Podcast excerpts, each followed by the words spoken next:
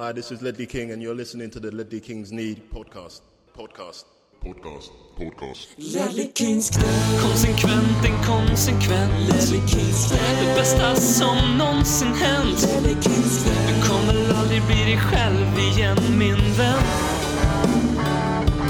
Ledley Kings knä. Här flödar hybrisen Ledley Kings knä. När vi poddar aldrig bli dig själv igen min vän Du lyssnar på den eh, värmländska, kanske snart ryska podcasten om Tottenham Hotspur. Eh, om du hör det här Vladimir Putin så vill jag börja med att tacka för Roman Pavlyuchenko. Han har vi under en lång tid haft väldigt mycket glädje av och han har en speciell plats i våra hjärtan. Tottenham Hotspur är ju det första laget någonsin att vinna back-to-back-Puskas-pris. När Lamelas mål mot Arsenal, Rabonan, nu i veckan här utsågs till 2021 finaste mål. 2020 vann ju Heung-Min Son på den där sprintturen mot Burnley. Vi var alltså först någonsin med att göra världens snyggaste mål två år i rad. Och precis som en gång som, som vi en gång i tiden var det första laget i norra London eller som den gången när vi var det första laget någonsin att bära tröjnummer på ryggen. 1939 mot Watford. Vi var också det första laget på 1900-talet att göra det där som eh, man där och då beskrev som omöjligt, nämligen att vinna dubbeln. 1960-1961. Eller som den gången vi blev det första brittiska lag att vinna en titel i Europa när vi slog Atletico Madrid med 5-1 1963. Och när vi vann Uefa-cupen 1972 så blev vi också det första brittiska lag att vinna två europeiska titlar. Det finns fler exempel. Vi var det första laget att eh, börsnoteras. Säga vad man vill om det. Eh, vi var det första laget att ta världsstjärnor till engelska ligan när vi köpte Oscar Diles och Ricky Villa 1978. Det är det här som är att vara pionjär, att vara galjonsfigur, att vara en ledare. Det, är det här är varför vi är storebror. En lillebror kan alltid köpa sig ett större hus än sin storebror, tjäna mer pengar och skaffa sig mer högskolepoäng och sådana saker. Man kommer alltid vara lillebror. Hus kommer och går, pengar lika så och plugga högskolepoäng det kan man göra precis när som helst och vem som helst kan göra det. Men först, där kan bara en vara. Dagens podd, Robin heter jag. Eh, dagens podd har lite bortfall. Vi har konstaterad covid i eh, lägret. Sen har vi också eh, en poddmedlem som, är, eh, som vi inte får tag i. Eh, som antagligen är upp, upptagen med något mycket viktigare och bättre än det här. Men eftersom att du hör det här så ja, vi ställer inte inför det. Vi är ju inte likt vår lillebror Arsenal som letar efter varenda liten nål i höstacken att använda som ursäkt för att slippa göra saker som man tycker är jobbiga. Så kallat lillebrors beteende. Eh, men jag har ju med mig ändå en galjonsfigur här, eh, mannen som var först med att ta Lamela till Sverige. Som eh, delar initialer med mannen som var först med att göra Maja till en skön grej, Bob Marley. Ingen annan än mannen som också var först med att ta inte bara en utan två katter från Eskilstuna, Sveriges 17 största stad, till, till Karlstad, Sveriges solsäkraste stad. Jag pratar såklart om BM. Hur är läget? Ja, det är bra tack. Eh, jag känner det. Vi har ju en poddmedlem som förmodligen befinner sig på gränsen mellan Ukraina och Ryssland just nu. Eh, oklart vilken sida han strider för. Eh, och sen har vi väl några till som är bortfall. Snabb matteräkning. Nu är inte jag mattelärare, men det är två av fyra det är 50 procent och sen två, två av x antal. Alltså ungefär, vi har väl ungefär 75 procentigt bortfall på de säkra korten vi kan kalla in. Och då blir det ju ännu svårare att förstå hur, ja, men hur lillebror kunde bestämma sig för att ja, men vi ansöker om att ställa in ett North London Derby för att eh, vi har en person som har corona. Det är ju, vi, vi pratar mycket om att Tottenham var först, vilket Tottenham är på det mesta och en av anledningarna till varför Tottenham är en storklubb som vi kommer komma in på senare. Men framförallt så måste vi erkänna här att lillebror faktiskt blev före storebror i någonting. Eh, I den hedersfulla tävlingen om vem som kan springa längst ifrån ett North London Derby.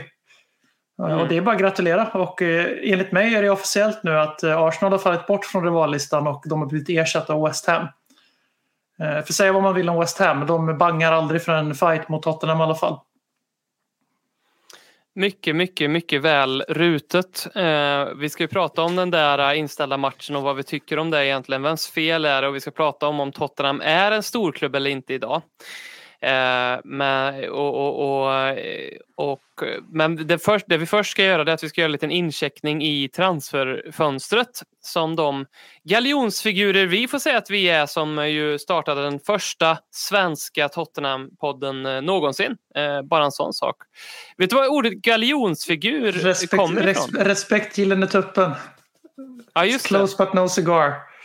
Just det, Gyllene Tuppen som startade en, de gjorde också en Tottenham-podd, typ, de började veckan efter vi gjorde började Någonting 20. sånt där, yes. yes. Eh, Respekt till dem om, om de finns kvar bland våra lyssnare. Jag måste söka på dem sen ifall det, ifall det finns några avsnitt i, i kvar, eller de ligger någonstans. Eh, men hur, det blir en tid, fin tidskapsel det, det om inte annat. Vi- jag tänkte börja med lite folkbildning här i galjonsfigur. Eh, jag tycker att det är värt att, att nämna och, och, och folkbilda. Vet du, vad, vet du vad ordet galjonsfigur egentligen betyder? Jag tänker att det är någon som har på sig galonbyxor. Ja, du, ja, du skohornar in den där. Ja. Nej, men en galjonsfigur är den där, om du tänker ett, ett skepp. Tänk dig Kristoffer Columbus han tegade över Atlanten. Och så tänker du längst, längst fram på skeppet så, så är det ju alltid liksom den här lilla träspiran. Och, och där har de alltid, liksom, om du går på Vasamuseet dessutom, så, så är det alltid liksom några figurer där. Jag tror det är änglar eller eh, kanske kan vara en djävul också. Jag vet inte riktigt. Men det är en galjonsfigur. Eh, och, och där kommer ordet att vara först ifrån faktiskt. Eh, så då fick jag vara Fredrik Lindström även i detta, denna veckas eh, podcast. Eh, det, det var gött. Eh, vi var på en incheckning i transferfönstret. Vad, vad är det som händer egentligen? Vad, vad, vad är det vi hoppas ska hända? Vad, vad är det senaste VM? Det absolut senaste, rikande färskt från pressarna, är att eh, Ajax har fått antingen ett första eller ett andra bud förkastat från Mhm. Tottenham då de ligger långt ifrån vår värdering. Och, eh, enligt eh, Minito K och mina kontakter i fotbollsvärlden så var det budet på 15 och sen 18 miljoner euro. Och Tottenham vill ha mer cash. Det är Steven Bergwijn vi pratar om då. Ja, Berka Berka. Eh, Kommer han Annars har det säljas? inte hänt så jävla mycket. Tror- Tror du Bergwijn säljs eller? Ja, det tror jag. Mest för att Conte ska få börja forma sin egen trupp och det har blivit någon form av ganska, egentligen relativt orimlig press eh, på klubben att göra stora förändringar, vilket är ett positivt tecken för att vi gjorde stora förändringar i somras, även om det inte känns så nu. Mm. Men, och sen nya jättestora förändringar någon månad in på säsongen när vi åtgärdade ett misstag. Och det är ju egentligen inte rimligt att vi ska förvänta oss att komma tre in och tre ut i januari också. För att det här är inte Fifa, det är inte fotboll manager utan det är riktiga människor med rotade liv. Och det är lite svårare att rycka dina barn från förskola, eh, skola, umgänge, familjemedlemmar och vad det nu kan vara. Liksom, och flytta till ett annat land under coronatider som pö. Det är, det är lite lättare i tv-spelsvärlden om man säger så. Mm. Eh, Och eh, januari är ju ett fönster för att åtgärda misstag. Eller om man blir tvingad att sälja sin bästa spelare till en mycket större drake. Till exempel som när Burnley blir tvingad att sälja sin anfallare till direkt nedflyttningsrival. Då blir det ju en förväntan på Burnley att de ska ersätta den här spelaren. Annars är det ju självmord i, i sportsliga sammanhang. Men det är ju inte ett fönster för revolution. Eh, men däremot så tror jag att Contes intåg i klubben och den framgång vi faktiskt har haft den relativa sådana eh, i Premier League. Där fjärdeplatsen är faktiskt våran att förlora. Sen är det ju alltid bättre att ha poängen på papper än att ha matchen i handen som man brukar säga. Eh, sen, sedan 2022, nytt ordspråk. Men eh, det blir Ibland lite ser, man här- inte, in, ibland ser man inte alla matcher för all covid. Ja, lite så också. Nej, men att det blir lite den här känslan att man, vi har en riktig möjlighet här att får han in två gubbar som han faktiskt vill ha och vet hur han ska använda och tro på. Låt oss kalla dem för Adama och eh, vänster mittback. Eller mittfältare eller anfallare, vem fan det nu blir liksom. Eh, då är det ju en, en investering i fjärdeplatsen. För Tottenham har helt plötsligt en rejäl chans att sluta topp fyra. Det betyder ju massor med miljoner, sponsorintäkter, trovärdighet i projektet, arbetsro, alla de här grejerna som Champions League har blivit förknippat med. Och eh, Därför tror jag att det har skapat en lite så här press och därför tror jag att Bergwijn kan bli ett offer för det. För han är väl egentligen ganska långt ner på listan över spelare man vill se bort. Inte för att han har rosa marknaden direkt, men den en av få matcher han har gjort för Conte, då var han ju grym och gjorde två poäng mot West Ham i ligacupen. Eh, så det finns ju, han är väl fyra, femma på min lista över spelare jag vill ut, om ens det. Men om han samtidigt är den enda som vi kan få pengar för, då är det ju inte man att man är den som säger nej heller. För han är ju inte oumbärlig på något sätt. Så att det, det finns nog en ganska god möjlighet att han hamnar i Amsterdam.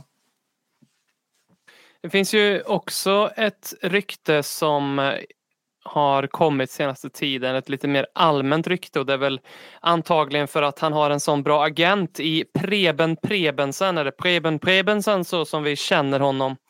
Eh, ITK. Bekanting, en bekanting i, i Ledley Kings-lägret. Vi pratar om Christian Eriksen som eh, ju ryktas tillbaka till eh, Premier League i alla fall, eh, vilket ju är ett stort bevis att det är en mediaplanterad eh, historia av hans agent eftersom att det inte finns något mer konkret än så. Brentford är väl ett av lagen som har nämnts och eh, Conte uttryckte sig också att ja, men eh, Christian, dörren till Tottenham är alltid öppen för Christian om han då kanske menar att han fick åka och träna hos oss eller inte. Det, det är väl eh, lite mer oklart. Men Eriksen är ju free agent för att i Serie A så har man ganska strikta protokoll kring det här med hjärtfel och eh, så, så, som ju Eriksen spelar med någon, en typ av eh, vad kallas det egentligen? En, en def, inte defibrillator. Inbyggd defibrillator men- va? Ja, det kanske är det det heter. Som Daily Blind också har, eh, fick jag lära mig. Ehm, och, och fler spelare. Loic Remy tror jag har det också, eller kanske ska ha, eller har något hjärtfel. Ehm, så de reglerna gäller inte i England på det här sättet. Jag är inte särskilt orolig för hans eh, hjärtfel så. Jag är inte heller särskilt orolig för om han är rätt eller fel spelartyp att ta in i laget. Jag tycker ju den typen av kreatör är verkligen någonting vi skulle eh, behöva. Det jag mer är orolig i, när det kommer till Christian Eriksen det är ju liksom det här ah, psykologiska aspekten av det för honom att det blev okej, okay, jag, jag sjönk till gravitationen från Tottenham eh, liksom drog mig tillbaka. Eh, jag hamnade, jag sköt iväg men jag hamnade i Inter och sen så alltså, får han den typen av tändning, går han igång på det att komma tillbaka till Spurs eller inte? Eh, jag vet inte, skulle du tagit tillbaka Eriksen? Nej, jag skulle nog inte det faktiskt. Ehm, jag är inte heller orolig för hans hälsa på det sättet. För att jag väljer att tro att en så rik och eh, människa med så mycket kontakter och kopplingar och klubbar som kan hjälpa honom att sätta honom i kontakt med de absolut bästa experterna. De skulle inte låta honom spela. Jag har väldigt svårt att se hans agent eller något för någon i hans närhet liksom trycka på att spela för spelandets skull.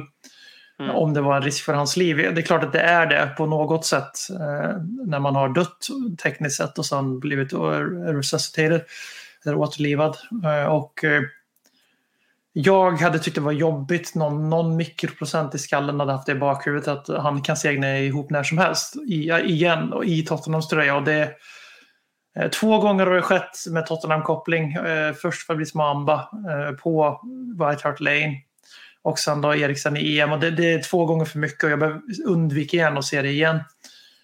Och inte, men det är inte sagt, inte ens, jag vet inte ens om det är en större risk för en människa med hans tillstånd än vad det är för en vanlig dödlig. Eh, men jag, skulle, jag, jag slipper gärna det av det skälet, men sen det, det riktiga skälet är att vi pratar trots allt om en kille som sista tiden i Tottenham gick ner sig lite grann tillsammans med laget.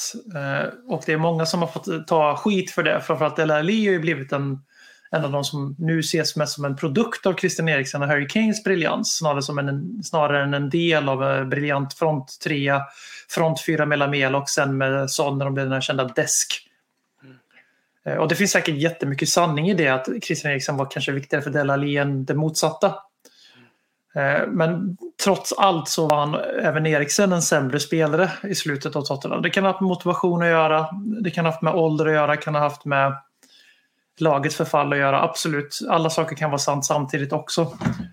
Eh, men sen är det också så här att i Inter så tog det lång tid för honom att övertyga Conte om hans storhet. Han spelade i en annan roll än vad han var värvad i och vad vi är vana att se honom. Eller vi såg honom ganska mycket som en sexa slash central mittfältare i slutet i Tottenham också. Eh, Kan det bero på att han har tappat ett steg som man brukar tycks säga i fotboll? Alltså tappat en, Mm. lite speed eller något sånt där. Eh, Och sen har han ju de facto inte spelat fotboll och knappt tränat på, han har ju inte tränat på en elitnivå särskilt länge utan jag tränade med Odense i danska ligan ett tag och så var det någon annan klubb utomlands jag inte vet om, kommer inte ihåg namnet på och sen nu de här kopplingarna till England och framförallt Brentford. Så jag är väldigt osäker på vad man får i Christian Eriksen, vilket jag tycker att Brentfords rapporterade bud på ett halvår med en option på en hel säsong skvallrar ganska mycket om att det finns ganska många frågetecken rent fysiskt och allt sånt där. Och vi behöver ju en förstärkning. Alltså ska vi värva i januari behöver vi någon som går in i laget nu. Eh, vi kan inte ta in Eriksen och sen låta han träna sig i form om tanken är någonting sportsligt. Sen om det är på längre sikt, då- är det en annan diskussion. Är han här för att vara här till 33? Conte står bakom, tror jättemycket på Eriksen. Det är klart vi ska vara där och hugga. Men är det för snabba resultat och för att han ska kunna spela fotboll igen och ha en chans att spela VM som är hans uttalade mål. Eh, det kan han gärna få göra i en annan klubb i sådana fall. På tal om eh, att vara pionjärer och galjonsfigurer så finns det en röd tråd att plocka upp och sy in i det täcke vi håller på att lappa ihop här nu som är den här podcasten med Moamba. För eh, det var väl tack vare, eller på grund av snarare, som eh, Fabrice Moamba eh, ja, ramlade ihop på White Hart Lane och återupplivades som det blev eh, nya protokoll och nya rutiner och, och så i Premier League på hur man ska hantera en sån situation. Något som Tottenham ju gjorde med eh, bravur, framförallt vårt läkarteam och sen även någon läkare från Det publiken. var väl en supporter, va? en läkare som Mm, var på och läktaren. Som, ut. Mm. Otroligt. Men eh, vi har ett jag påstående tror här till, jag tror till och med att han var hjärtspecialist, vilket är liksom Ja, på tal om det- tillfälligheter. Mm. Eh, Vi har ett påstående från Running Man. Eh, Livi leker sportchef igen. Paratici har blivit Hitchen och Hitchens roll är gravt otydlig. Eh, Herr Berg eh, har också skickat in typ samma fråga. Hur mycket mandat tror ni Paratici har egentligen? Eh, vad tänker du om den sammansättningen av eh, vita framgångsrika män med eh, antydan till framgångsmage? Liv är en väldigt tacksam eh, syndabock. Det är för tidigt att börja hänga på Ratici, eh, även om vissa gör det med en, med en bravur, framförallt vår norska vän Morten. Eh, så Paraticis slow cooking och så vidare. Men ja, om vi tittar på movesen vi gör i sommar, eller somras, då förstä- vi försämrar oss sportsligt. Kanske till mer än vad jag trodde då på alla positioner förutom högerbacken då, där vi tar in en tydlig uppgradering även om Royal har blivit någon form av hackkyckling på senare tid också. Men det är unga spelare in med sällan value som visst det kan tolkas som, eh, som Livis händer i kakburken men det är också för mig känns det som lite så känns Danny Levy verkligen som någon som har koll på vem Brian Hill var i när han spelade i Levante eller vad fan han gjorde sin lånesession. Liksom. Det känns inte som att Danny Levy sitter och kikar på de matcherna direkt. Mm. Eh, och sen också alla de här italienska kopplingarna vi ganska fort fick. Med Gattuso först och sen eh, Conte till slut och sen så alla spelare som varenda spelare som har burit en Serie A-tröja kopplas till Tottenham för jämna nu. Dybala igen den senaste och allt det där. Romero Guilini. Vi gjorde två värvningar just det. Båda två Atalanta Connection. Eh, Romero värvades ju av Paratici till Juve och sen utlån, bla bla bla. Eh, money laundering och allt vad fan det är de håller på med där borta. Eh, och eh, det känns väldigt mycket för mig som att det är han som styr showen och det tydligaste beviset är att det läckte ut ganska mycket uppgifter om de här olika listorna. En som Hitchen hade jobbat fram, kanske med Levy, eh, kanske själv. Där det kanske fanns lite mer tränare som jag var sugen på, Pochettino, Potter och sådär. Och så fanns det sen en helt plötsligt en annan lista där Nuno var en huvudkandidat, där var en huvudkandidat. Vi- Alltså, vi får inte glömma att vi hade ju haft Gattuso som tränare om inte det hade varit för sociala medier och Twitter. Fighting, eller för The Exchange i stort sett. Det är de, Ja. de som trummar igång det. Det, det. det mesta tyder väl på det. Det kom ju ut någonting, var det förra veckan? Någon artikel eh, från den delen av Europa. där det i stort sett sades rakt ut att det, att det var klart. Alltså liksom att, att han skulle till Tottenham. Eh, Och, eh, samma var ju med Fonseca också egentligen. Men det var Ja. inte så mycket supporterreaktion tror jag, utan snarare bara att eh, man fick kalla fötter från Tottenham. Att man, vad har vi gjort liksom? Ja, det är, det är otroligt att man lyckades hålla någon form av fasad kring Nuno i ett tag. Det gick väl ganska fort för den att rasera. Men för det, när, man hör, när man tänker tillbaks på det här, liksom, det var ju Fonseca först. Och sen så verkade det som att de inte riktigt höll med om vad lagets behov var. Det är en bra anledning till att inte anställa en tränare för övrigt.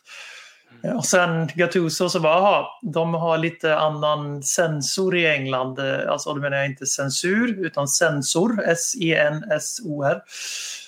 Eh, Att eh, han, han har sagt en del saker, ja det var ett tag sedan, men han har sagt en del saker som är jävligt problematiska ur min världsuppfattning. Och jag är inte en sån som tror att tycker man ska döma sig hela sitt liv för problematiska uttalanden beroende på grav, hur, grav, hur, allvarliga de är. Mm. Men det är uppenbarligen inte ett problem i den kulturen. Och men i England blev det en ganska stor reaktion på en gång som sen förstärktes av andra. Alltså på Twitter finns ju ingen nationalitet på det sättet. Liksom. Det är en global marknad eller mötesplats. Och eh, det var väl också så här, nu som sagt när man sitter och tittar tillbaka på det här, alltså, det är ju ett haveri utan motstycke den där jävla tränarrekryteringen. Alltså. Mm. Det, och, och Paratici skulle nog vara jävligt glad att han kom in halvvägs i processen. För tänk om han hade rattat från dag ett och, och det blev samma resultat. Mm. Då hade ingen skylt på Livi nu i januari, som är min, återgå till min ursprungspoäng, att Livi får ofta väldigt mycket skit och väldigt lite beröm. Eh, Jag tycker inte det finns någonting som tyder på att Daniel Levy ligger och lägger sig i längre för huvudtaget. Sen är det klart att han gör det. Alltså det, det han, är ju, han äger ju för fan 30 procent av Tottenham och han är också den högst anställda personen av Tottenham. Det är klart att han ska ha inflytande. Han, är ju- en, han, är, han är ju till skillnad från Paratici och även en tränare då, en person man bara kan döma på lite mer lång sikt än Yes. på typ ett transferfönster. Och det är väl egentligen det som jag tror det här bubblar i, att hans historia har inte varit bra. Eh, det hjälper såklart inte att den här Amazon-dokumentären porträtterar Steve Hitchen när han sitter och säger att han hatar januari-transferfönstret.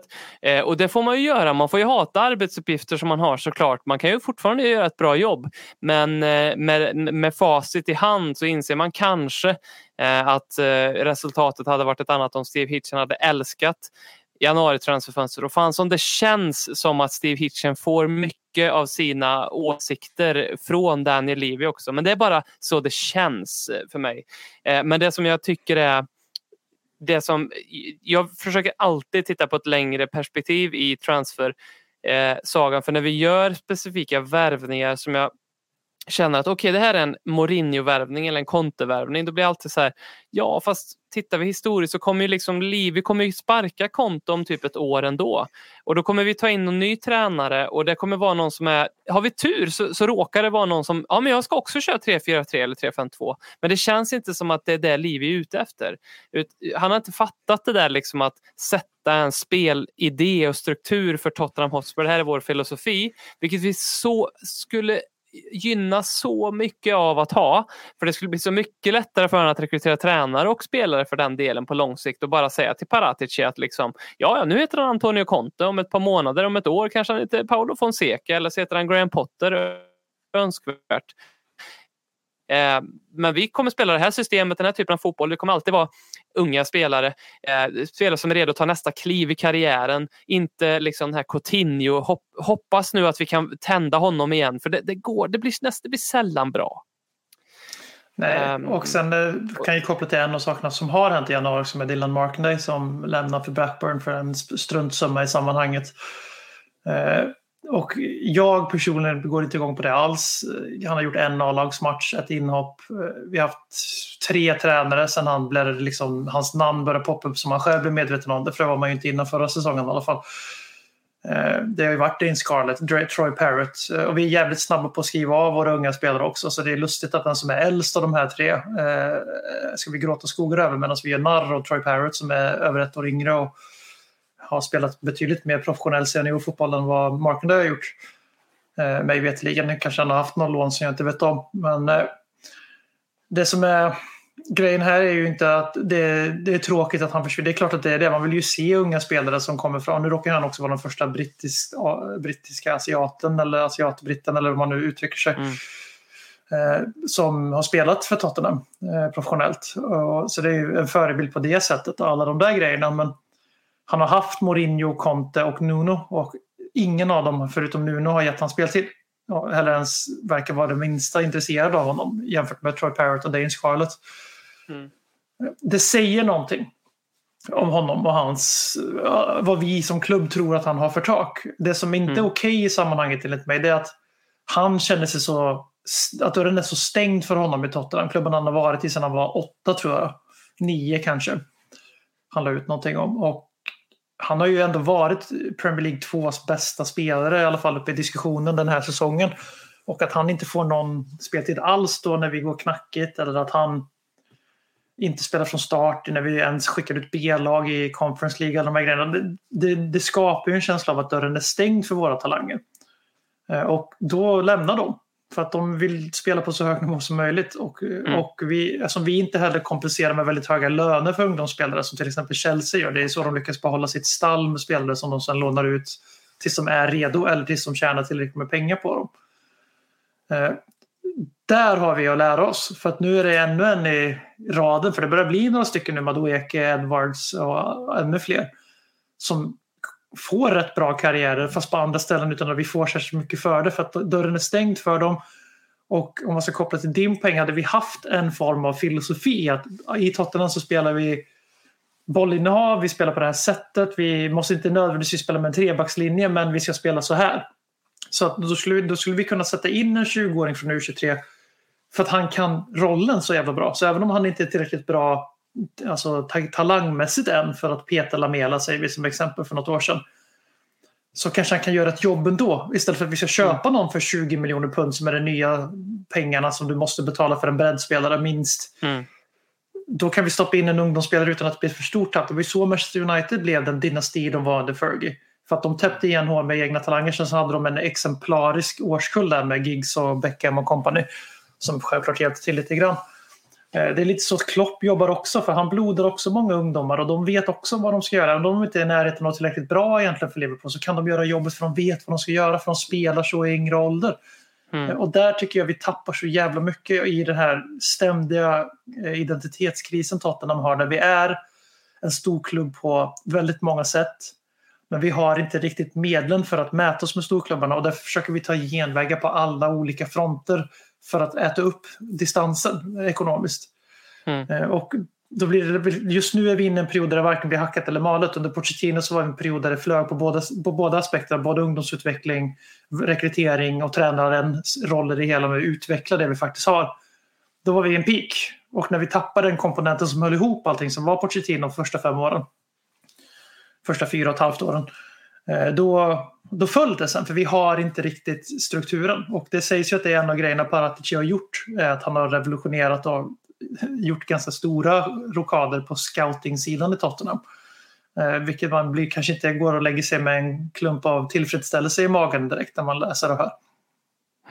Det är ju faktiskt, när jag tänker på det, ett av de transferfönsterna på väldigt länge där jag tycker att det är för lite rykten till Tottenham, om man ens kan säga så. Det brukar ju alltid vara så jävla mycket. Till och med alltså på Fabrizio Romano-nivå brukar det komma ut så. Nu, nu tycker jag det är väldigt lugnt kring Tottenham och jag konsumerar ju i huvudsak bara Tottenham. Kanske eh, generellt att det är lugnare. Men eh, ja, fan, jag vill ta upp min, jag vill såga Fabrizio Romano igen. Jag vill inte såga honom. Jag vill såga sättet han blir så uppburen på. Eh, som att allt han säger blir sanning. Som att allt han säger väger tyngre än guld.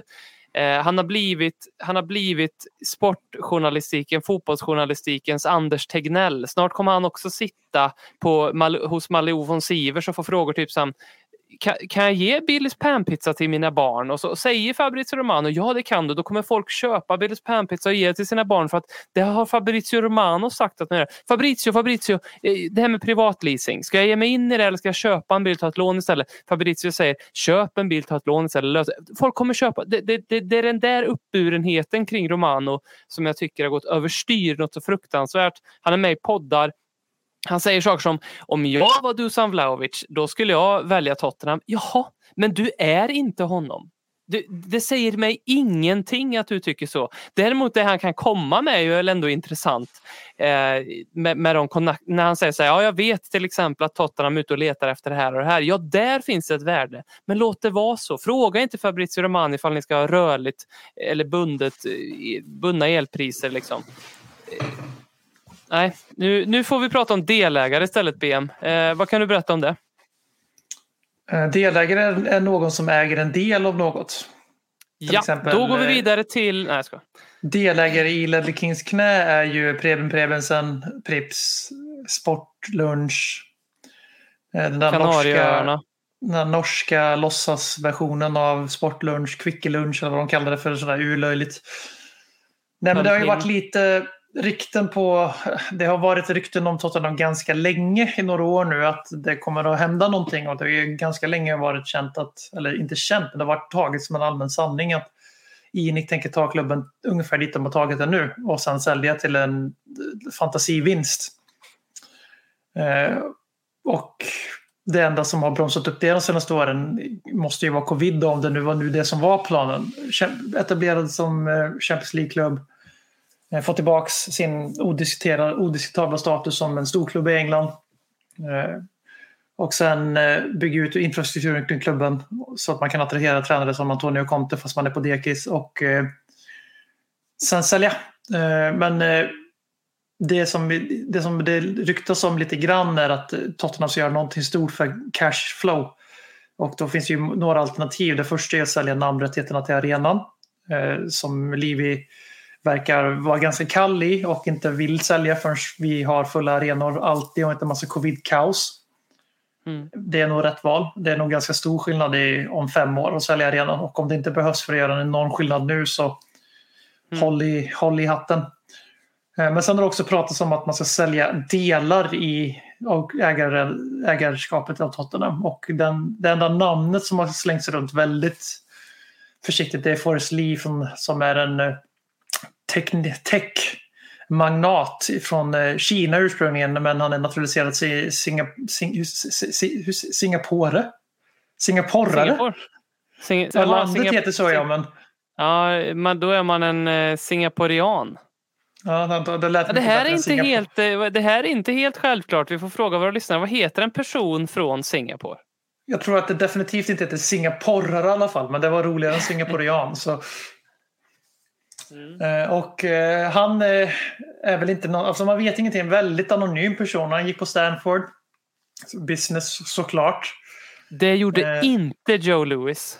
Och sen så gjorde han också en degree i ingenjörskunskap i Shanghai. Så han är ju en bra, han är bra, han har bra utbildning och så. Men det han kanske mest är känd för att han köpte en klubb i Singapore Premier League, Singapore Premier League för några år sedan som han döpte till- raskt om till Lion City Sailors. Och det, Aj, där aj, ringer ju lite varningsklockor som Tottenham-supporter. Ja. Vet du vad en Eh. person som kommer från Shanghai heter? Nej. Shanghaiare. Nej, förlåt. Eh, Att, eh, ja, att han skulle döpa om Tot- Tottenham så blir det nog svårt. Men man får ju ändå lite så här, mm, men de, de han köpte, om, köpte den klubben i alla fall. Han verkar bry sig lite grann också om fotboll. För det här är ju ingen cashliga, du tjänar inte stora pengar. De snittade, de, deras arena tar 6 000 pers lite drygt. Mm. Eh, och eh, han vann ligan, eller, eller Lion City Sailors vann ligan 2021. Så att han verkar ju liksom vara en, den här typen av ägare vi ser. Då. Man går in med pengar för att få sportslig framgång för att antingen sportswasha eller för att man gillar att se pengar försvinna för man har för mycket för att göra av med. Eh, och vi har ju någon tredje kategori där vi faktiskt driver vår klubb som ett företag som går ganska bra ekonomiskt trots helt sjuka förutsättningar i en blödande fotboll som inte är självförsörjande. Så är det ju Tottenham det, trots covid, trots enorma skulder på arenan och bla bla bla. Mm. Eh, och skulle vi kunna få in någon nyttig idiot, som jag gillar begreppet, som är beredd att pumpa in pengar för att Tottenham ska kunna köpa ännu bättre och dyrare spelare. Så att vi får sportslig framgång utan att sälja våran själ för sportswashing eller att blöda ekonomiskt. Då är det ju svårt att tacka nej. Eh, även om jag faktiskt måste säga att just ägarskapet Tottenham har, även om det frustrerar mig ofantligt ibland, så hade i den perfekta världen så hade vi vunnit Premier League med Pochettino, vi hade vunnit Champions League med Pochettino. Eh, Och man hade, det hade varit väldigt svårt för andra klubbar att snacka ner Tottenham för någonsin efter det. Eh, Eftersom att vi faktiskt drivs självförsörjande. Det är ju, Vi är en fotbollsklubb. Ja, det är ju intressant för det är första gången på länge som den här typen av rykten om ägarskap, det vill säga delägarskap, ens florerar. Under många år som du säger så har det handlat om när ska Livi sälja? Många har sagt att han har bestämt sig för att göra det. Nu kommer mer rykten att ja, han, det, det gick också, det, jag vet inte om det här är officiellt eller inte, men att, han har, att de har gjort något på aktiedelen eh, och, och att det ska ha att göra med för att de vill pumpa in mer pengar i, i, i truppen. Det kan ju i sig vara att de tar första steget till att sälja för att de vill också säga så här, ja, vi har världens bästa arena i världens bästa liga med världens bästa träningsanläggning med världens bästa tränare och här är också by the way förutsättningar eller i alla fall en av världens bästa trupper också. Um, så, det, det ska hända ganska mycket med den truppen vi har nu eh, för att de ska kunna säga så insåg jag. Men eh, ja, det, det, det, är en, det är en intressant eh, aspekt av det och eh, lite svag för den här typen. Den lilla, lilla researchen jag gjorde var ju att han verkade som en definitivt inte en excentriker, vilket väl jag är mest rädd för. Även om eh, att komma in och döpa om en klubb kan ja, verka lite excentriskt. Och även om han ligger bakom den här mycket cringiga reklamvideon när Ronaldo springer runt och vad är det han gör egentligen? Gör reklam från bettingapp eller vad det är? För Shopee. Shopee, eh, vilket är det absolut mest pinsamma jag har sett i hela mitt liv, den reklamvideon.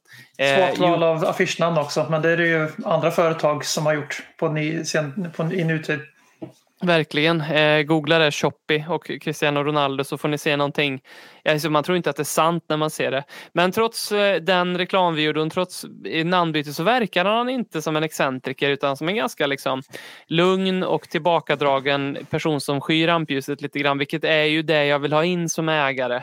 Um, för det sista jag vill ha är ju liksom någon Mike Ashley typ eller uh, ja, sportwashing pratar om eller bara någon helt enkelt som vill komma in och have, ha lite kul för kan, då kan det hända precis vad fan som helst. Um.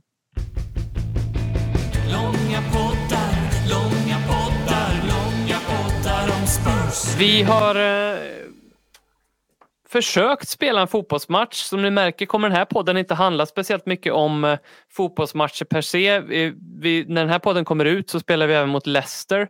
Kanske. Vi vill göra en, kanske. Vi vill göra en tidlös podd som, som vi kallar det. Vilket betyder att man ska kunna plocka upp den här podden ja, Fönstret för dess relevans är eh, lite större än om vi skulle ge betyg till spelare i förra matchen eller snacka upp kommande match. Så att vi håller oss från det. Vi ska ändå prata om detta att eh, Arsenal ställde in North London Derby bara dagar eller dagen efter de gör det så går de ut med att nej men nu, nu ska vi också låna ut Ashley Maitland Niles och Balogun här också. Um, Sen Paolo Mari till- och Se- Sead Kolasinac den här veckan också. Ja, och själva anledningen till att de, de bygg, bygg, ja, ville ha det här uppskjutet var för att de hade för tunn trupp. Något som Premier League då godkände. Vem felar här BM? Ja, ingen då om man ska gå efter the letter of the law. För att det är, de har ju kommit fram till Premier League. De tog ju det här från Uefas bord efter att vi som enda fotbollslag då den här säsongen, vad det verkar, kanske i konkurrens med Bologna som åkte på en VO 3-0 mot Inter på grund av covid. För de fick inte, de fick inte resa. De fick inte spela matchen för sina hälsodepartement där. Eh, och då åkte inte dit. De värmde upp som att det skulle vara match på riktigt och sen så blir det 3-0. För det är så Italien gör.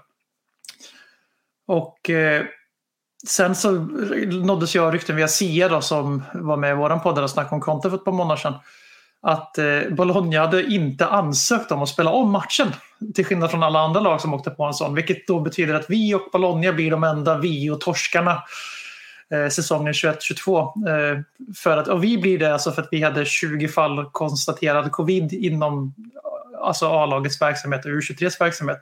Säg inte att det var 20 spelare i Tottenham, men det var väl 9 är väl den siffran jag har sett i alla fall som 9 A-lagsspelare som hade covid. Eh, kan vara inklusive det, jag vet inte, men betydligt jävla fler än en i alla fall som eh, vad Arsenal hade. Eh, vi hade också en eller till och med två med covid när matchen skulle spelas. Och så hade vi fyra skador också på alla igår i startelvan av de fyra också. Eh, men Premier League har ju adopterat den här eftersom det var kaos i början när vi var först och sen United fick stora utbrott och de hade ingen plan för det, vilket är helt jävla absurt med tanke på uh, att det här är inte första säsongen med covid. Och det var ju det vi hamnade i en härlig fade med LFC-podden över, uh, där vi tyckte oss se igenom deras ibland ganska rimliga kritik mot det här som faktiskt har blivit väldigt rätt, får man ändå ge dem lite grann nu. Att de hade väldigt rätt om att det skulle bli så här, att klubbar skulle utnyttja det. Men det faller ju också mm. ganska tomt när Liverpool var en av de första klubbarna som tydligt utnyttjade det så fort Salah och Mané försvann.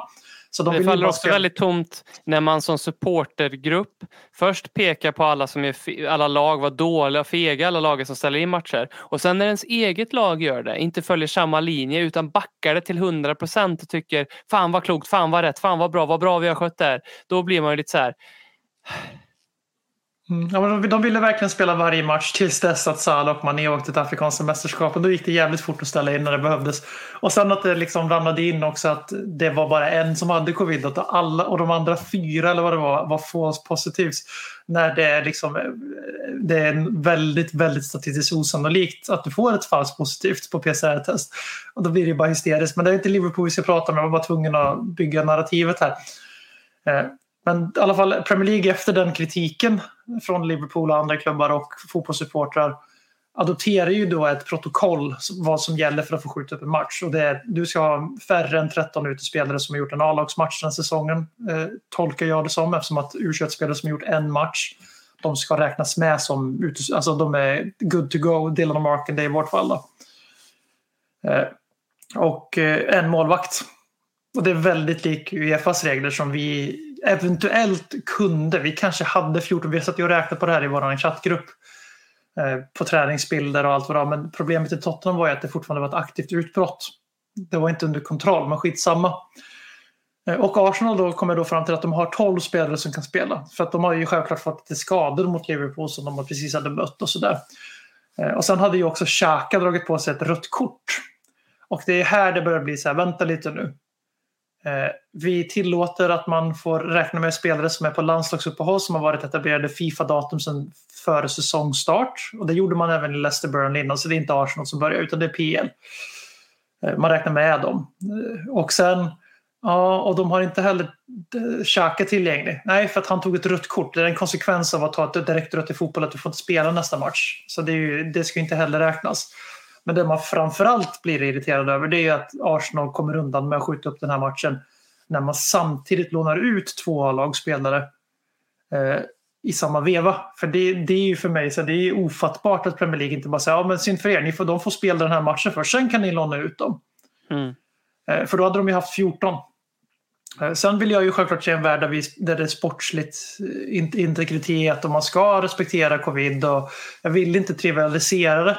För Arsenal gör inget fel enligt regelboken. De gör kanske moraliskt jävligt fel kan jag tycka. Men det, det är det här det skulle bli. Vi var kanske naiva i våran podd för några veckor sedan när vi trodde att fotbollsklubbar inte skulle, alltså vi, någonstans drar de väl smärtgränsen för hur smutsiga de är.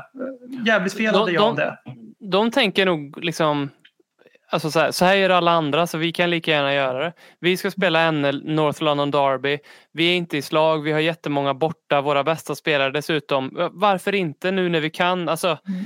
Ska, eh, ska, man vara väldigt nykter här så jag hatar ju, jag är ju lite glad att det är Arsenal som gör det för då kan jag hata dem för det så att säga. Men hade mm. vi gjort det så hade jag varit så här, ja, lite pinsamt men ändå hyfsat rätt sak att göra liksom. när det, de ska vi vara ärliga med att nu kommer man ju sitta, om Tottenham hamnar i ett läge där vi har samma sits, då kommer man ju kräva av Tottenham i stort sett att de kräver att ja. man får matchen uppskjuten. För nu, nu, nu är praxis satt. Eh, men det, alltså det som är, de som förlorar på det, det är ju supportrar. Vi har ju personer i våran Spurs-närhet som var i London för första gången under covid i stort sett för att se den här matchen. Blir ingen match. Eh, kom ut relativt tidigt för att vara Premier League. Eh, men nu är det också så här, nu hamnar vi i ett läge, vi ska möta Leicester idag om ni lyssnar på det här när det släpps. Där vi där de har 12 A-lagsspelare borta. Där är det, liksom, det finns en väldigt stor risk att även den matchen ställs in. Någon, någon gång ska ju också Tottenham spela sina fem matcher för att ta ikapp sitt spelschema. Och om jag, sportslig integritet, människors hälsa och sånt i, i åtanke, absolut. Men det vi måste också tänka på är vad är vår sportsliga integritet då, när vi ska spela fem matcher, fler än alla andra på vårsäsongen som har börjat nu. Där i alla fall en är Tottenhams fel när vi hade 20 covidfall, men de andra fyra är för att motståndarna har ställt in. Eh, Och då blir det så här lite, vi måste spela de matcherna någon gång. Vi har lika många speldatum som alla andra klubbar har att tillgå. Mm. Eh, Och vi vet hur det kommer sluta. Vi kommer hamna i lägen där Tottenham förväntas spela fyra matcher på sju dagar och sen så ska vi bara hålla käften och sätta oss ner i båten. För även om Tottenham är en stor klubb så ska vi vara jävligt klara med att vi har några år kvar tills vi går förbi Arsenal och United i storleksordning. För sportsligt har vi varit bättre än de senaste fem åren. Jag skiter i vad United-supportrar tycker om det. Arsenal har ingenting att säga i sammanhanget ens. Eh, men eh, problemet är att Tottenham är lillebror i det här gänget från FAs. Och det kommer vara vi som hamnar i situationen där vi tvingas under helt odrägliga eh, förhållanden spela massor med matcher på kort tid med skadorna som följer på det. Spelare som spelar fyra matcher på sju dagar det är inte hälsosamt eh, för skaderisken. Sen finns det ju värre saker att göra med sitt liv fem dagar i veckan än att spela fotboll. Liksom. Eh, men, och det är det som liksom, det, Premier League har liksom dödat den här säsongen nu eftersom det kommer inte att gå att genomföra den här säsongen med sportslig integritet. Kolla Burnley, de är i samma sitt som oss. De kommer, de kommer kanske åka ur Premier League på grund av det här. Det är ganska många miljoner pund vi snackar. Det är samma sak, vi, vi missar Champions League på det här. Arsenal kommer ta platsen istället för oss. Det är ett par hundra miljoner pund i skillnad åt båda håll direkt. Och sen är det också legitimiteten och trovärdigheten som klubb att vara en Champions League-klubb. Som kan liksom göra att Dusan Vlahovic inte ens tittar åt Tottenham, bara för att använda ett exempel. Skriver på för Arsenal direkt för att de är i Champions League. Och det är jävligt tråkigt när fotboll avgörs på andra premisser än att spela match. Mm. Man ska vara lite cynisk här och också göra en liten eh, tillbakablick på tidigare e-, efter superligan så kom ju eh, storklubbarna topp 6 med lite krav om man säger så på Premier League. Bland annat eh, med att vi vill ha vetorätt i frågor i ligan. Det var ju en sak. Eh, och det blev ju inte så. Utan nu eh, behöver vi ha, jag, jag tror det är 14 14, klubbar, va? 14 klubbar behöver rösta ja för ett förslag för att det ska gå igenom. Hur, många var, hur liksom- många Premier League-klubbar var inte med i Superligan nu? Om vi bara räknar snabbt. 14? Mm. Man kan ju tänka sig att sådana här saker på sikt hade blivit ett jävligt odrägligt problem om man hade sagt ja till det där där och då att låta de här sex toppklubbarna få vetorätt i frågor. För det här är ju en sak som toppklubbar bara, ja, eh, att vi har en chans att ställa in matcher när inte vi kan ställa ut vårt bästa lag alla dagar i veckan kommer att göra. Vi kommer Och det att se gäller det- Tottenham också kan vi det säga gäller igen. Tottenham bara. också. Yes. Det, det, det, det kommer att ske från liksom United, City, Chelsea, Liverpool, Tottenham, Arsenals håll. Det kommer inte ske lika mycket från Burnley och Norwich och Crystal Palace och, och det, den biten. Liksom. Så glad att det inte blev så först och främst. Sen lite cyniskt får jag tänka, man ska vara tydlig med att det här är Premier Leagues eh, regler. Och om man får vara lite cynisk först, så här, varför har de gjort de här reglerna på det här sättet. Eh, det är väl cyniskt nog antagligen för att de också själva fattar att om de säger till de här lagen att nej, ni har jättemånga juniorspelare, spela dem, varsågoda. Eh, så här, då vet de att de inte har en lika attraktiv produkt längre. För Sky Sports och för hela världen att visa upp. För att Alltså folk vill se i, i stora drag vill folk se och de tror att folk vill se. Och de bygger hela sin grej på att de absolut bästa spelarna spelar med de, i de absolut bästa lagen. Um, så det är ju en sak. Och sen så blir jag också lite trött på, för jag tror verkligen att det här är en grej som de kommer att rulla ut och så kommer de bara, nej okej, det, det, här, det, här, så här kan vi faktiskt inte ha det.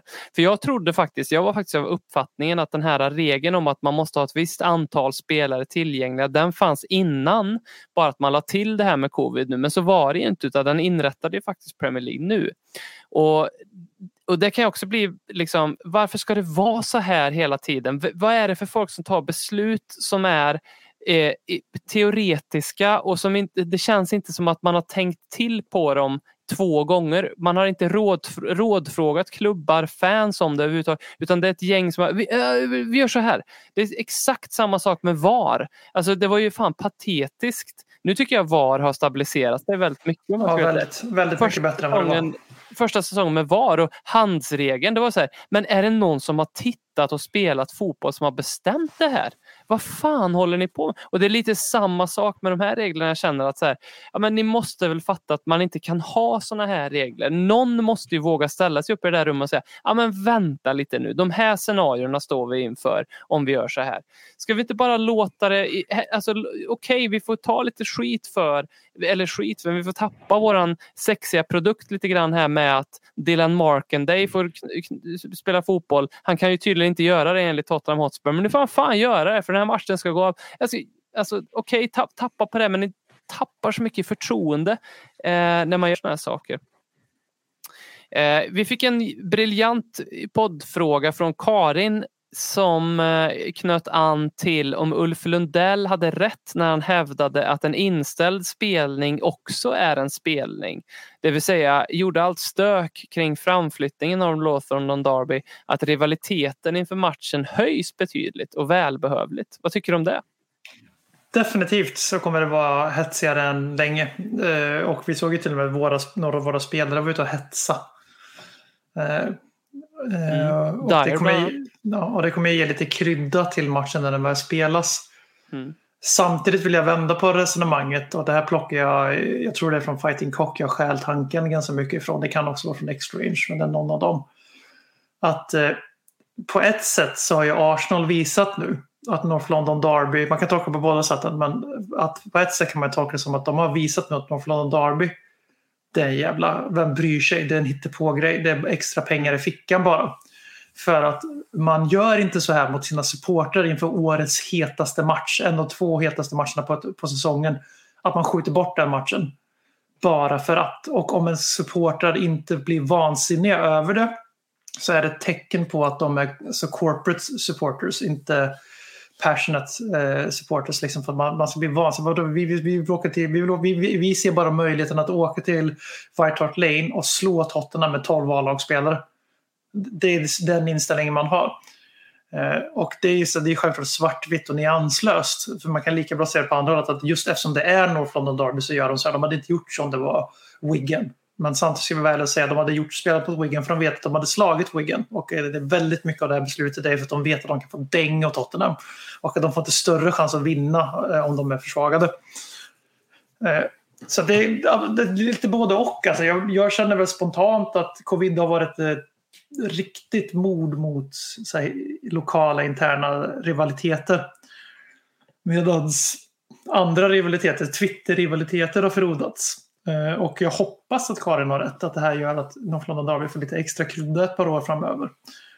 Mm. För det har varit rätt mellanmjölkigt det sista. Ja, alltså det är ju bara att ta det här Rabona-målet som ju jag vet att vi var först med den spaningen då, men den stämmer så jävla väl. Det är ett oförglömligt mål han gör i en match som är bortglömd veckan efter den spelades. Jag, jag vet mycket väl att vi förlorade, så det är inte det Och att han fick rött kort för första gången fick, och enda gången. rött kort också.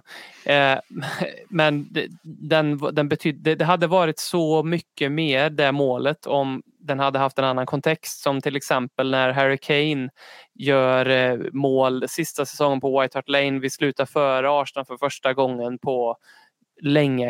Eh, att den hade haft en sån kontext, det är klart att det eh, det hade byggt upp storyn kring Rabona-målet eh, väldigt mycket. Men det säger mycket om nutidens North London Derby, vad lite de har betytt och att Arsenal, trots att de vann den där bleka tillställningen, ändå inte kom före oss i, i tabellen förra året. Eh, Ulf Lundells fulla citat är att eh, en inställd spelning väcker också känslor såsom saknad, irritation och bitterhet. Och de inställda konserterna är ju det enda folk pratar om så något måste de ju betyda. Eh, sa Ulf Lundell och jag tycker att han har eh, helt rätt för saknad. Absolut. Jag, hade, jag har saknat att se Tottenham spöa Arsenal. Irritation Ja tack. Eh, bitterhet, ja det får vi vara ärliga och säga att det också har när vi sitter här och smakar på hur det känns om Arsenal om två, tre månader spelar den här matchen och dänger oss istället för att de har fullt lag eh, och tar fjärdeplatsen. Så då kommer vi nog vara hyfsat bittra tror jag. B. Det tror jag också. Och att vi får möta Chelsea tre gånger och fyra matcher underlättar ju inte frustrationen som att Arsenal kan vi klå. Chelsea har vi en bit upp till. Mm. Tyvärr. Billigare än knark Roligare än terapi Ledley Kings knä för den du redan är men också för den du vill bli För ett tag sedan så hade jag en eh, Twitter-dialog med eh, ett fan av, jag tror det var Liverpool, det brukar vara det, men det kan faktiskt ha varit Manchester United.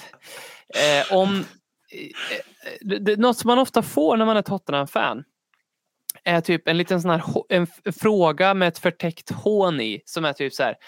tycker du att Tottenham är en stor klubb? Och man vet ju att så här, frågan ställs inte för att personen genuint vill veta vad jag tycker utan Nej. vill att jag ska säga ja, det är en stor klubb så att de kan skratta åt den. Eh, jag tänkte du får börja bara med att svara ja eller nej på den simpla frågan, är Tottenham en storklubb? Ja eller nej? Absolutely. Mm. Och eh, hur lägger du texten kring det då? Det är väldigt enkelt. Vi kan bemöta Liverpool-pucken först. Eh, Liverpool större klubb eh, historiskt. Inget snack. Större klubb just nu. Inget snack. Sportsligt var vi bättre än dem jävligt många år mellan 2005-ish till Klopp i stort sett. De hade en två eller tre säsonger de var bättre än oss. Så de kan gå och sätta sig. Kan vara 2008 och, framåt, skitsamma.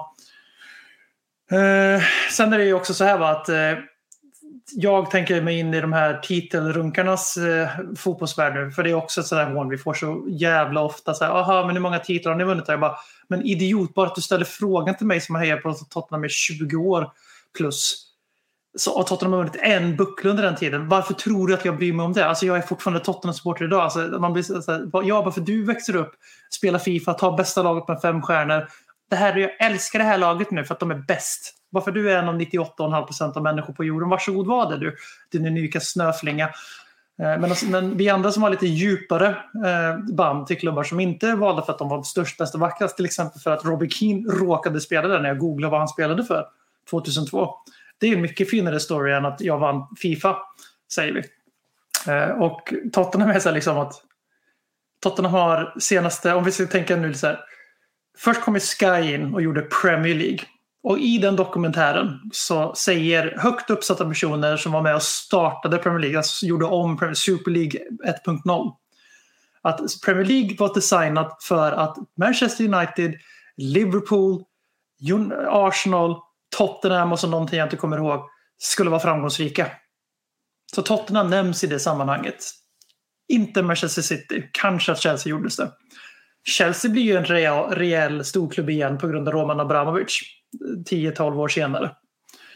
Eh, Tottenham lever inte upp till sin storklubbstämpel väldigt långt in men sen 2007 tror jag det så har Tottenham blivit topp 6 i Premier League alla säsonger förutom två inklusive förra säsongen då de blev sjua och kom före Arsenal. Eh, Tottenham har alltså spelat Europaspel typ 15 av de senaste 17 säsongerna. Och hur, hur är vi då inte en Big Six-klubb? För borde inte det definieras efter de lagen som kommer topp 6 oftast? Fram till vårt förfall 2019 från den absoluta toppen eller precis, precis på andra sidan dörren av toppen. Då är vi den klubben som spelade Champions League flest gånger i England. I, i fem år i rad. Och jag tror att det var in, kanske, jo City och vi spelade fem år i rad och sen så bytte Chelsea, Arsenal och Liverpool med varandra. Nej, inte Arsenal, förlåt. Manchester United, Chelsea Liverpool. Arsenal har inte spelat Champions League på fem år, så de är ju inte heller en stor klubb i sådana fall. Eh, om de är en stor klubb så är det för att de vann FA-cupen då. Och då kan vi även kasta in Wiggen i det anrika sällskapet antar jag. Och så vidare. Så liksom, och sen är ju topp 10 i världens största klubbar, brand och ekonomiskt. Eh, vi spelar i Premier League som är världens största liga. Vi har kommit topp 6 15 år i rad i stort sett. Vi är från London, har den största arenan i London tror jag. Eh, vi har det. Alltså det är liksom så här, Tottenham är en stor klubb, punkt. Sen ska vi vara jävligt ärliga här nu. Tottenham är den mest misslyckade storklubben som finns i Premier League. Det går inte att snacka, det är svårt att säga emot. Det, är så, vi, har inte, vi har vunnit en titel under Inic på 20 år. Det är klart att är, vi, är, vi är sexa av Big Six och det är därför det är också vi som attackerar och ska ut i Big Six när Leicester snubblar in två säsonger och sådär bla bla bla. Eh, Men jag känner så här att snart måste ju Arsenals livlina börja rä- rä- räknas bort. Alltså för att fem år i rad där Champions League, ja de lyfte en jävla FA-cupen, grattis. Men att Tottenham inte är en stor klubb, det är, så det är lika innehållslöst hån som att vi inte vinner några bucklor. För sanningen är att vi är både och. Vi är en stor klubb som inte vinner några bucklor. Det är därför vi är det svarta fåret i Big Six. Vi är en storebror. F- Frågan eh, man måste ställa sig är ju hur man definierar vad som är Ja, en stor exakt. klubb. Och, och då kan man eh, lägga till massa parametrar som gör att man kanske får ett urval av många klubbar. Då, då kanske man borde säga Newcastle är också i det här sammanhanget Aston Villa. Everton. Exakt. Um, så därför gjorde jag en liten um, vad ska man säga, statistisk sammanställning här som uh, man själv som lyssnare av den här podden får, får avgöra om man tycker att en klubb som är topp fem eller topp sex kan vi säga då, överlag i eh, alla kategorier egentligen jag kan komma på här i Premier League. Om klubben är med där så tycker man att det är en stor klubb eller inte, det får vara upp till, till en själv. Då. Men om man tar antal titlar då, som du är inne på, då är vi ju topp sex. Eh, Då är vi topp sex i England. Det, det, det är ju kul för att det pratas ju om som att vi aldrig vinner titlar. Eh, vilket ju inte stämmer i det stora perspektivet men som stämmer i det lilla. Så eh, ja, hemmasupport. Vi är topp två på hemmasupport. Alltså flest eh, folk som går på, på matcher. Där är vi topp två. United detta antar jag. Ja. ja, det kan nog vara Liverpool också. Ja, Men United har Eh. mycket större arenan då. Ja, men, men frågan är om, man, eh, om den kategorin... eh, Jag, jag kommer inte ihåg vilket... Jag googlade Ja, nej, nej, det för här. jag håller med dig att vad, hur mycket skit vi än snackar om Liverpool så är det ju en titan på alla Ja. sätt. Det är bara att gilla läget. Europeisk framgång, topp fyra. Kommer ihåg det här i England nu alltså. Mest säsonger i Premier League, topp ett. Tillsammans med sex andra lag. Everton ett av dem som man ju ofta glömmer bort. Men vi är ju tillsammans med Everton och ett gäng till. Har ju eh, alltid varit i Premier League sedan det startade. Som Manchester City inte har. Vilket man ju lätt glömmer. Arena är vi ju topp två. Kanske topp ett. Kanske bästa arenan. Kanske. Och då är det ju hela eh, intrycket av en ar- arena Men som jag räknar med där. säg inte att Anfield var etta. Ja, det är ju det är den eller Old Trafford lite på hur man ser på det eftersom att Old Trafford är den, Herregud. är den största arenan. Eh, och, och har ju både Old Trafford och Anfield har ju ett legacy av att vara väldigt, väldigt bra arenor. Legacy ger dem, men eh, om Ja. det går efter så här suveränitet och modernitet, bla bla bla. Så det Nej, då, igen. då, är då är vi etta. Det är, där, det är men därför eh, jag, jag kan hade hellre haft är kvar White Hart Lane, så kan jag väl Ja. sammanfatta. De- Definitivt. Eh, snittplacering senaste, se- eh, senaste tio åren så är vi också topp sex. Eh, titlar i modern tid är vi faktiskt också topp sex i England. Det, sjukt det är fan helt sjukt. Eh, värde på spelartruppen så är vi topp fem. Eh, om man tittar på hur, hur, vi, hur stora vi är på transfermarknaden är vi, är vi topp sex. Där riskerar vi väl kanske bli omsprungna av ett Aston Villa till exempel. Eh, och kanske Newcastle eh, om inte vi agerar mer. Och Jag tycker att liksom, det blir samma sak som att, ta, ett, ta ett företag, att ta Byggmax. Är Byggmax ett storföretag? Alltså då, då blir man ju så här, ja, i, i, eh, i deras bransch så är de väl, väl det. Eh, Är de bland de största företagen i, i Sverige? Nej. Byggmax och Tottenham är två ungefär exakt lika stora företag. Tottenham skulle alltså inte ens vara bland de 200 största företagen i Sverige. Eh, Men om man jämför ryktesmässigt Tottenham med våra största företag så är det klart att Volvo, Ikea, H&M, Ericsson har eh, ett jävla rykte och är ganska stora men det är frågan om inte Tottenham är topp 5 eller topp 10 i alla fall ryktesmässigt om man skulle placera in dem i ett svenskt företagskontext. Så det blir liksom Eh, ja, det, det, blir återigen ner till hur man definierar vad som är en storklubb eller inte. Men det, det, vi kan säga är i alla fall att varje gång en eh, supporter till något av de andra topp 6-lagen frågar en Tottenham-supporter är Tottenham en storklubb? Då vet man att det är inte en genuin fråga. Det är inte, det är inte, upp, det är inte öppet för diskussion utan det handlar bara om senaste tidens tidstorka. Och det får vi säga nej. Det är vi absolut inte. Men vi är topp 6 där i alla fall. Vi rundar av det här med lite lyssnarfrågor.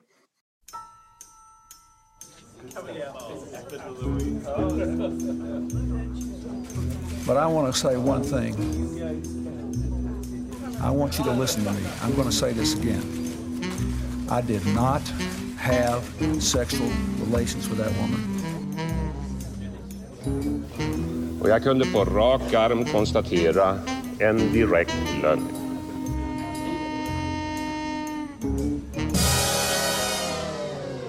Och eh, inleder så med eh, Tobias Jostedts fråga. Varför är det alltid ett steg framåt och två tillbaka? För vi är Tottenham min vän. Get used to it. Är det inte lite så i, alltså om man, man får vara lite tråkig här och liksom slå hål på mystiken och det speciella kring Tottenham för en stund så kan vi hoppa in i den varma goa bubblan, galjonsfigursbubblan igen sen. Men eh, om vi skulle plocka, liksom ringa upp de andra supporterpoddarna som finns där ute. Eh, och säga, skulle de och, och svara först och främst? Förutom alltså, United-podden? Ja, bara ja, United-podden som skulle svara? Det, det, är bara de vi har relation med. Eh, alla andra har vi bränt. Eh, och det är dem det är fel på, inte oss såklart. Eh, om vi skulle ställa frågan till United, Liverpool, Chelsea, City etc. supportrar. Varför är det alltid ett steg fram och två tillbaks? Då skulle ju alla ha ett svar på det, för alla skulle känna igen sig i det. Det, det är ju få klubbar som säger nej, men det tycker jag inte stämmer. Jag tycker det är spikrakt uppåt för oss. Um, så, så, det är väl, det är väl, det är helt ärligt, du har, du har helt rätt. Man har olika förväntningar och man är, om man är pessimistiskt lagd så är det ju sådär automatiskt. Men som man bara kollar någorlunda objektivt på det. Manchester Uniteds härdsmälta sen Sir Alex Ferguson är ju betydligt tyngre än vad vi... Alltså mina 20 år som Tottenham-supporter inte varit med om ja. något som är tyngre. För att den, vi ramlade ner från en väldigt hög pedestal med Pochettinos Tottenham. Men det går inte att jämföra med vad Sir Alex gjorde i United i 20 år. Mm. Och sen ha den resan där de är i stort sett en jämbördig med Tottenham. Lite sämre skulle jag hävda under de flesta åren. Och då, de har vunnit fler titlar dock, för det har alla gjort som sagt. I topp 6. Och sen kan man ju även argumentera för att Liverpool hade inte så jävla kul fram till Rodgers och sen, och sen Klopp. Eh, med tanke på sina förväntningar från tidigare. Eh, och sen har vi Arsenals långsamma självdöd från en av de två titanerna i Premier League. När det, inte, det fanns ingen hjälp av Big Four, det var Big Two och sen the rest. Mm. Eh, från det till att bli Big Four, till att bli en meme om fjärdeplatsen är en trofé till att bli mindre än Tottenham odiskutabelt sportsligt och sen, ja, de är mindre utanför plan också, vad fan pratar jag om? Eh, och sen eh, där vi är nu liksom, när de ställer in ett North London Derby för de är skitnödiga. Det är inte heller så jävla kul att leva igenom. Så du har helt rätt i det där. De enda jag inte håller med om är City, för de vet fan inget annat. Mm. De som är på Twitter i alla fall. Mm, och tyvärr antagligen Newcastle här också. Eh, om om no, något om år. år. Mm. mm.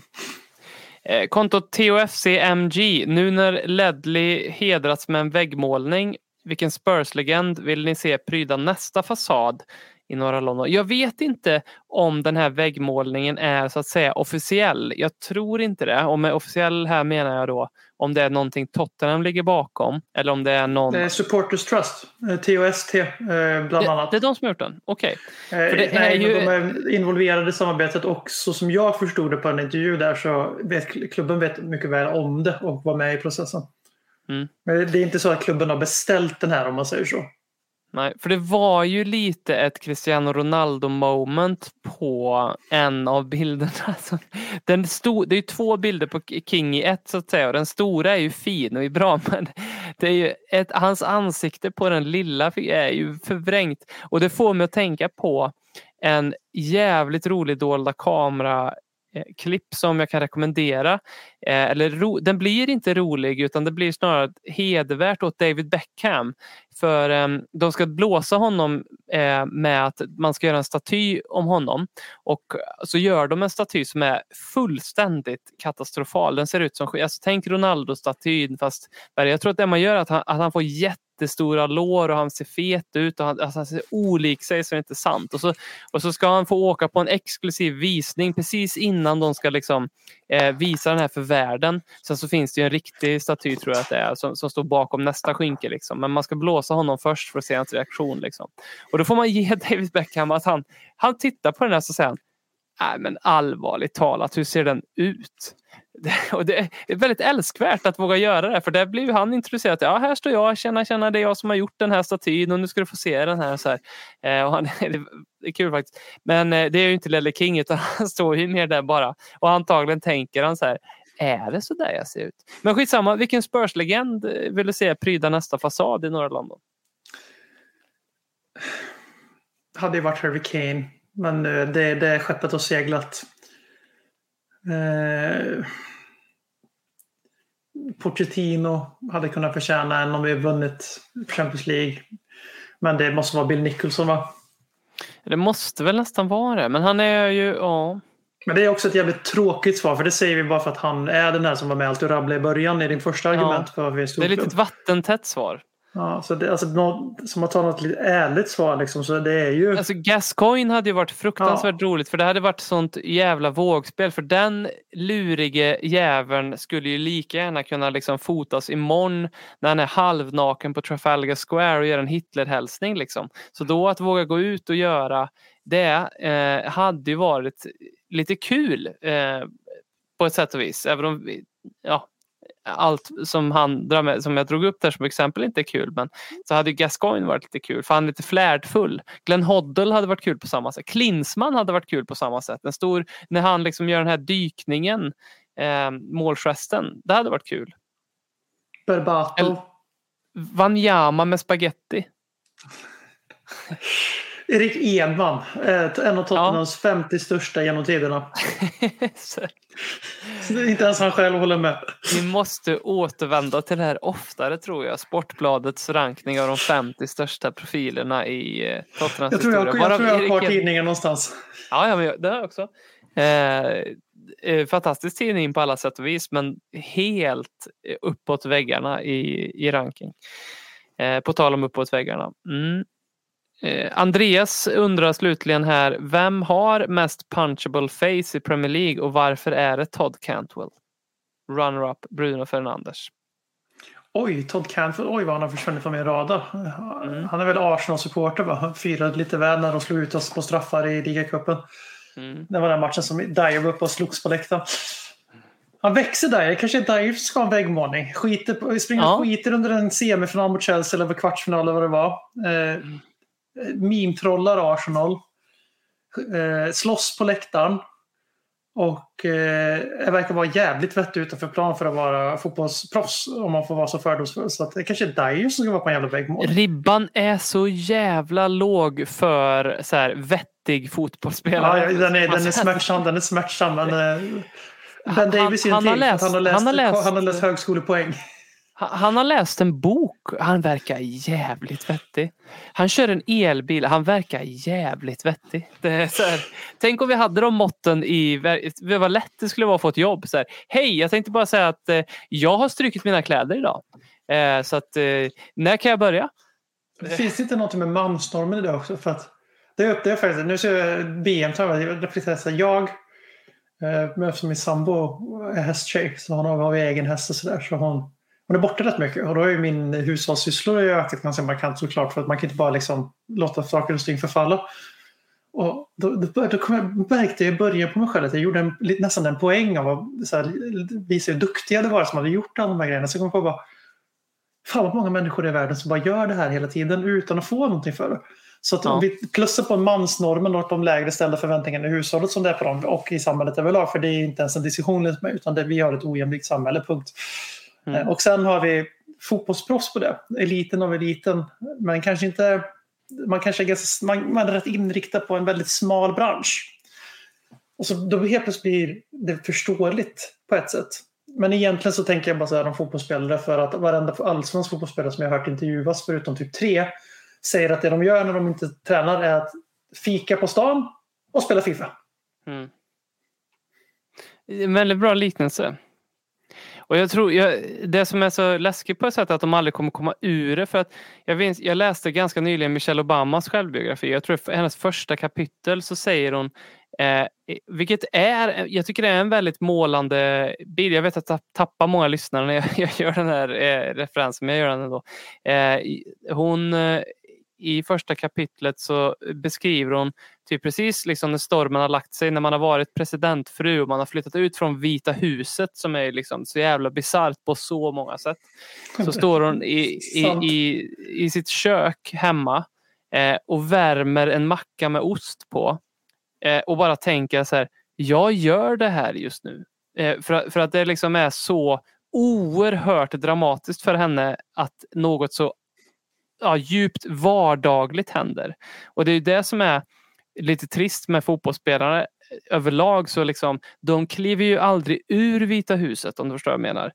De har ju liksom fotbollsspelare, de tjänar så enormt mycket pengar och är, har ett namn och eh, allt det där så att när, de, när deras karriär är över så att så, eh, då, då, står de liksom inte i något vanligt hus någonstans och värmer en macka utan då fortsätter de bara spela fotboll och så sätter de sitt namn på några produkter och så är de med i reklam och så rullar det på så och så har de de här pengarna som har byggt ränta på det. Så, det liksom, eh, så man, kan, man kan aldrig, det, det, är lite synd tycker jag att de aldrig får eh, testas i det vardagliga livet. Nu raljerar jag väldigt mycket här, men märker jag. Men, eh, det hade varit eh, uppslag för en väldigt bra Eh, typ realityserie, Typ, ja, nu har vi Shay Given, eh, Charlie Adam och eh, Tony Hibbert här som ska tackla livet efter eh, fotbollen. Så Tony Hibbert vet hur man eh, ställer in rätt wattmängd på en, på en mikrovågsugn. Här, här är testet. Alltså, det, det hade jag tittat på. Men man, det är tråkigt att de aldrig kommer, liksom, de flesta möter ju inte den krassa verkligheten. Eh, frågan i alla fall var vem har det mest punchable face? Men du ska säga någonting. Jag hade helt glömt bort det. Jag måste bara lägga till en sak. Jag tänkte faktiskt fråga för mig, vänta vad var frågan? Men att, eh, en sak som jag, om man ska bli lite seriös, nu hamnar vi i ett sidospår här som är intressant. Vi börjar med att vara raljanta, sen så upptäcker man något man tycker är intressant i det. Och, och det är ju det här att om det vi kan göra som supportrar, om vi tar Lukaku-intervjun som ett exempel, som blir en jävligt snackis som han själv gjorde narr av för att det sårar Chelsea. Mm. Men egentligen ska vi uppmuntra sånt. Även av våra egna ja. spelare. Vi ska ju uppmuntra att Harry Kane går ut och säger jag ville lämna Tottenham för att. Mm. Och så ska vi bara acceptera det och ändå stötta honom. Vi behöver inte liksom dö för honom. Man behöver alltså se människan i det hela. för att de blir ju inte bara servade utan de blir också så här, de får ju stänga av allting som är personlighet. För att annars sticker man ut och sticker man ut i fotbollen då blir man en jävla måltavla. Kolla i Tottenhams trupp, Dele Alli liksom. Där han, varje vecka läser jag så här pikar om att han är lat eller att han bara spelar Fortnite eller dylikt. Jag följer inte en enda Tottenham-spelare på sociala medier så jag har ingen aning om om han sitter och livestreamar dagarna i ända. Det absolut mest innehållslösa man kan göra kan jag säga. Ja, men det är det, precis det jag vill komma till. Att deras liv är väldigt innehållslöst så som vi får se det för att allting är offentligt. Om de väljer att göra det så. Och de måste ha sociala medier presence. Det, det liksom ingår i kontrakt och grejer nu. Att, och då är det så här, vi kanske som supportrar kan, för vi är faktiskt den dominerande kraften i fotboll fortfarande, det visade Super League. Vi kanske ska stötta fotbollsspelare i sina ambitioner liksom vara mänskliga istället för att göra narr av det hela tiden. Nu gjorde vi precis lite narr av fotbollsspelare. Eh, och det har vi all rätt att göra. Man får göra precis som man vill. Men jag tänker att det skulle kunna vara en väg till att öppna dörrar för dem också genom att vara mer toleranta för att de faktiskt är vanliga Svenssons i grund och botten som råkar vara jävligt duktiga på fotboll. Precis som alla som jobbar med sina jobb är jävligt duktiga på det förmodligen. Mm. Och då är liksom, det är ingen skillnad förutom att deras bransch är väldigt, en underhållningsbransch. är vad Jag försöker säga med många ord. Mm. Hur... Eh, och den som har mest punchable face i Premier League, eh, Mikael Arteta. Ja, men det känns som att han är en robot så att det, det skulle bara få jävligt ont i din, eh, dina knogar om du drämmer till han. Han skulle men, ju sopa mattan med mig. Alltså han skulle ju kunna torka gatan ja. i med mig. Men jag skulle ändå ge mig på det. Han är obehagligt perfekt. På, alltså perfekt på så tillvida att han vill vara perfekt. Att det liksom är.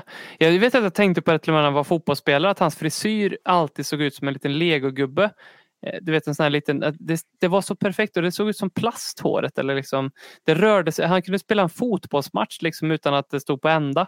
Ehm, det- tycker det är obehagligt, men jag vill bara avsluta din, din din poäng där om att de, det de visar upp är så innehållslöst att vi kanske borde omfamna de här sakerna som sticker ut lite mer och själva personligheterna. Eh, jag tycker det. Och det, det är skönt för då kan jag, då kan jag faktiskt omfamna Sergio Reguilon eh, som jag hade, jag hade väldigt svårt med när jag såg den videon han själv var ut på sin Instagram för ett tag sedan som jag tagit upp förr i podden. Men när han efter match sitter och spelar Fifa i limon efter match. Han sitter praktiskt taget fortfarande i matchstället och ska hem. Och hans tjej, eller fru eller sambo, eller jag vet inte riktigt hur de, den konstellationen ser ut. Hon sitter där eh, och, och bara, liksom, jag tänker så här, stackars människa. Du lever med den här karln som inte gör annat än att träna och spela fotboll. Sen så, så här, när ni ska ha en liten stund och du ska fråga honom hur matchen gick och hur allt var, eh, då ska han spela Fifa i, alltså, oh, ja.